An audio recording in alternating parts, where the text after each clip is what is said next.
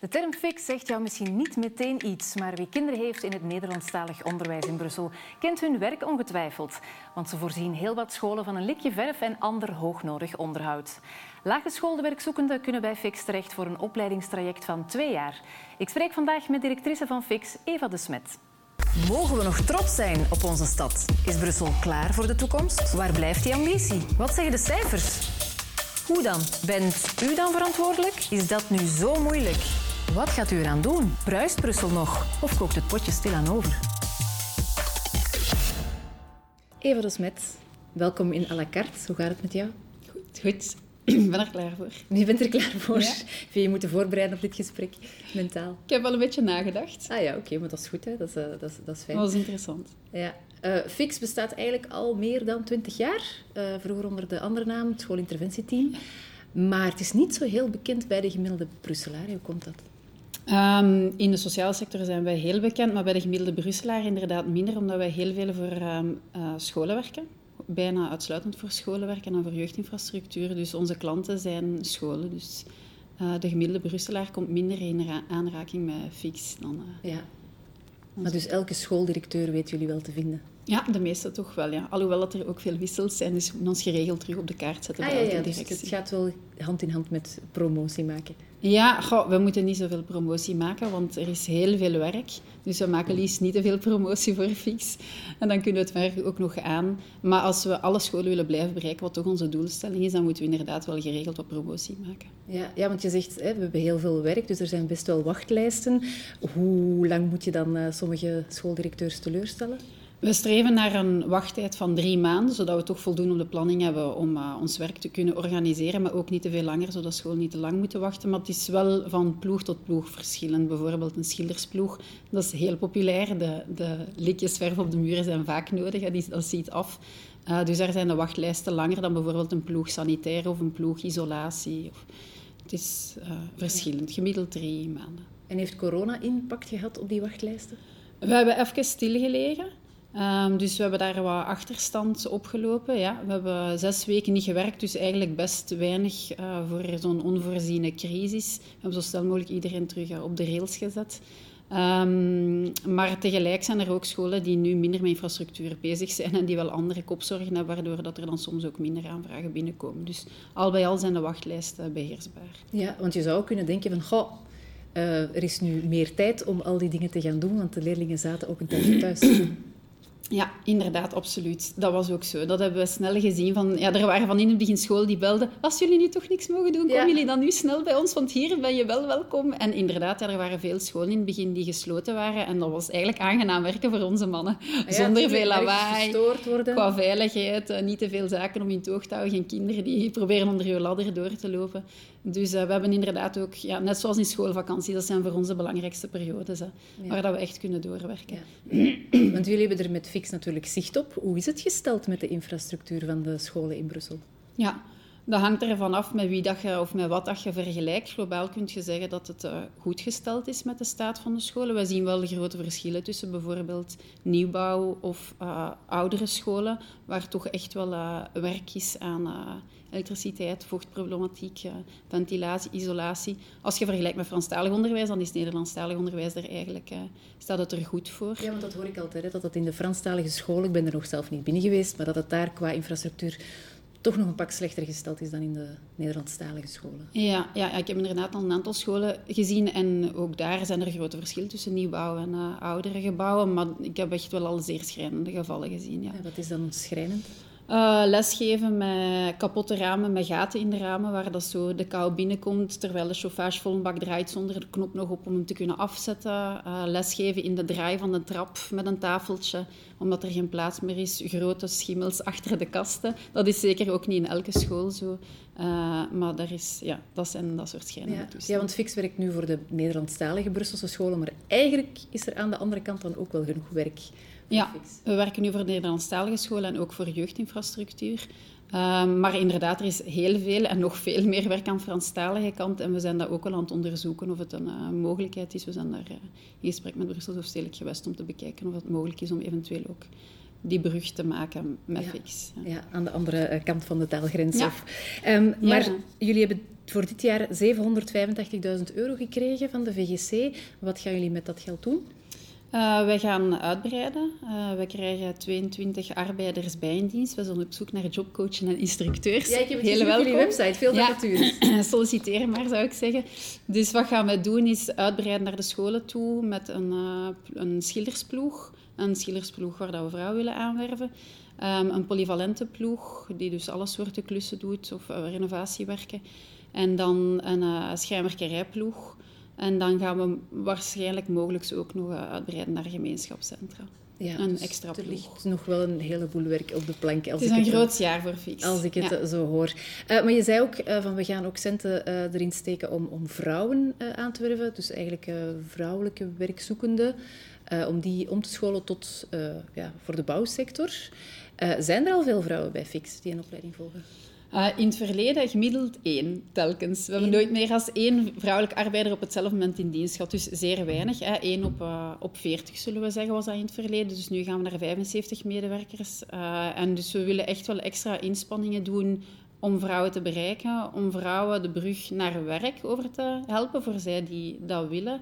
Um, en dan de brug naar werk in de bouwsector is een, ja, een extra het is altijd een cliché. Het is, een, een, ja, het is geen cliché, het is ook waar. Het is nog een mannensector. Hè? Het is absoluut een mannensector en de bouwsector schreeuwt om werkkrachten. Dus alle werkkrachten zijn welkom. En daarboven uh, zijn er beroepen in de bouwsector waar vrouwen eigenlijk bijna sterker zouden kunnen zijn als mannen. Bijvoorbeeld schilders. Ik hoorde nog recent van in Zweden zijn er meer vrouwelijke schilders als uh, mannelijke schilders. Dus het is inderdaad iets dat zo gegroeid is en het is een cliché dat uh, bestaat. En voilà, mensen gedragen zich ernaar. Um, dus wij willen zien van hoe kunnen we die vrouwen aantrekken en zich op hun gemak doen voelen in eerste instantie al bij Fix en dan daarna op de arbeidsmarkt. Ja. En wat is er zo een van de trucken om vrouwen over de streep te krijgen? Um, we zijn dan nog aan het onderzoeken met verschillende partnerorganisaties en het horen wat hun, aan het horen wat hun ervaringen zijn. Het is een thema dat zeer gevoelig ligt. De hele organisatie is plots wakker, want we gaan vrouwen aanwerven, ja. ook overheid. Iedereen heeft er een standpunt over. Mijn standpunt is daar pragmatisch in. En waar gaat de ehm, discussie dan net over? Van, we doen dat niet, we doen dat wel. We... Nee, nee, iedereen vindt het fantastisch. Er is niemand tegen het feit, uh, ook al onze mannen intern, iedereen vindt het een hele goede zaak dat we dat gaan doen. Uh, maar dan is de kwestie, moet dat een aparte ploeg zijn voor vrouwen of moet dat een gemengde ploeg zijn? En bijna unaniem is het uitgesproken, dat moet gemengd zijn, want de maatschappij is gemengd en we moeten dan niet uh, een aparte ploeg. En hoe gaat dat dan gaan qua doorstroom na fix? Terwijl ik daar zelf pragmatischer in ben. Ik denk, uh, we moeten de stappen zetten die nodig zijn om vrouwen aan het werk te krijgen in de bouwsector. Als die vrouwen zich in de eerste fase bijvoorbeeld meer op hun gemak voelen in een aparte ploeg en in een tweede fase van hun contract in een gemengde ploeg, dan heb ik daar absoluut geen probleem mee. Dat zijn zaken die we bekijken, daar is niks in beslist. Uh, maar ik denk we moeten doen wat nodig is om ons doel te bereiken zonder daarbij. Het kan een tussenstap zijn eigenlijk om het eerst een uh, homogene uh, ploeg te werken. Want jij bent zelf een vrouw in de bouwsector. je bent leidinggevende van Fix. Um, was dat ooit een issue van, oef, wij worden hier door een vrouw geleid? Nee, ik ben gestart als ik 29 jaar... Ik denk dat dat meer een issue was eigenlijk. Dat ik 29 jaar was toen ik startte en dat ik een vrouw was. Um, Fix heeft nooit een mannelijke leidinggevende gehad in de hele geschiedenis. Dus dat zijn ze gewoon. Toen ik startte was ik wel, behalve één collega, de enige vrouw bij Fix. Dus nu ondertussen is dat al iets gemengder toch. Maar toen was dat wel helemaal zo. Um, dus nee, die vraag is mij uiteraard wel gesteld. Ziet je dat wel zitten in de bouwsector en gaat je mannetje kunnen staan? En zo. Je pas op, staan? Ja, ja, ja, ja, En pas op, want het is toch iets anders, de bouwsector, dan wat dat je gewoon zit. Maar ik vond dat zelf heel boeiend. En ik heb zelf nooit negatieve ervaringen gehad, nooit. Met geen enkele medewerker. Eh, en ik heb er heel veel al zien passeren in een doorstroomproject. Dus um, dat is altijd heel goed verlopen. Hoe zit dat eigenlijk qua doorstroming? Van de mensen die bij jullie twee jaar opleiding volgen om dan door te stromen naar de reguliere arbeidsmarkt? Gemiddeld hebben wij een doorstroompercentage van ongeveer 70 uh, eh, procent, wat hoog is. Daar zitten ook de mensen in die een kwalificerende opleiding naar fix gaan doen, maar het overgrote deel uh, stroomt door naar de bouwsector. En, uh, dus naar de bouwsector vindt niet gewoon werk, maar wij hebben ook wel echt als doel dat mensen dan naar de bouwsector doorstromen.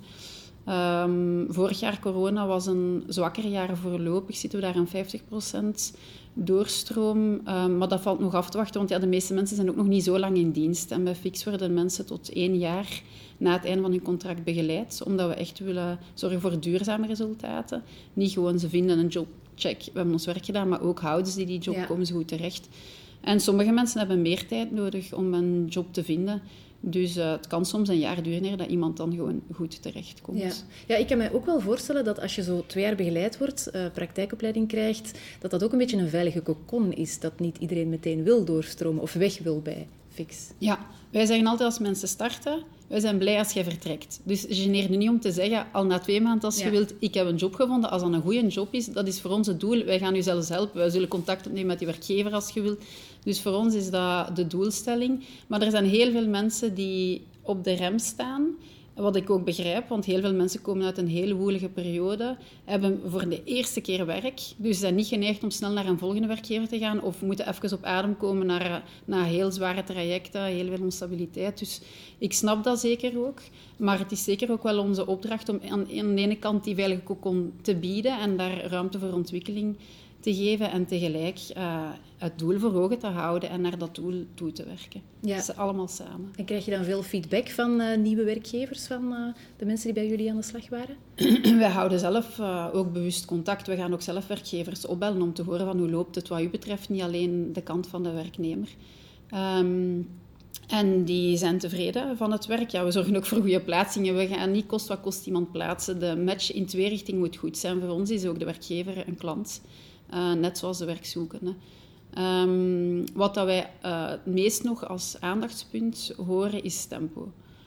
Wat dat ook niet verbazingwekkend is, want we zitten ook in een werkervaringstraject waar dat er tijd moet zijn voor leren, maar die kloof is soms wel nog te groot. Dus. Ja, dat het eigenlijk een pak sneller gaat als je dus uh, in een regulier schildersbedrijf terechtkomt. Ja, of, ja. ja er moet meer gepresteerd worden. Ja, ja. ja want je zei mij ook ter voorbereiding um, dat je heel sterk gelooft hè, in sociale economie. Waarom?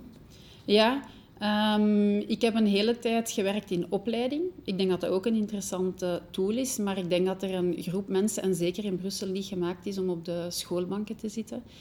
Um, en dat er mensen zijn die wel heel veel troeven hebben, maar die aldoende leren. Um, en die zo ook gemotiveerd blijven om te leren en ook soms pas dan ontdekken waar dat ze eigenlijk goed in zijn en waar ze zin in hebben. En ik denk dat die twee heel belangrijk zijn. Doen waar je zin in hebt en doen waar dat je goed in bent. Um, dus enerzijds daarom geloof ik in sociale economie. Leren aldoende, leren uit je ervaringen en ook uit je fouten. Mogen fouten maken. Maar anderzijds zijn er ook gewoon heel veel mensen, en ook in het bijzonder in Brussel, die het zich niet kunnen permitteren om opleiding te gaan volgen, die inkomsten nodig hebben. En die net door die tussenstap voor zichzelf toch nog ruimte creëren om te kunnen leren tegelijk met werken. Waar dat ze dan niet eender welke job de snelste, de beste nemen om toch maar werk te hebben. Uh, maar dan toch nog in die werkervaring kans krijgen om zichzelf te ontwikkelen naar iets op lange termijn toe te werken. Of soms door werkervaring ook terug de smaak te pakken krijgen om wel te gaan studeren.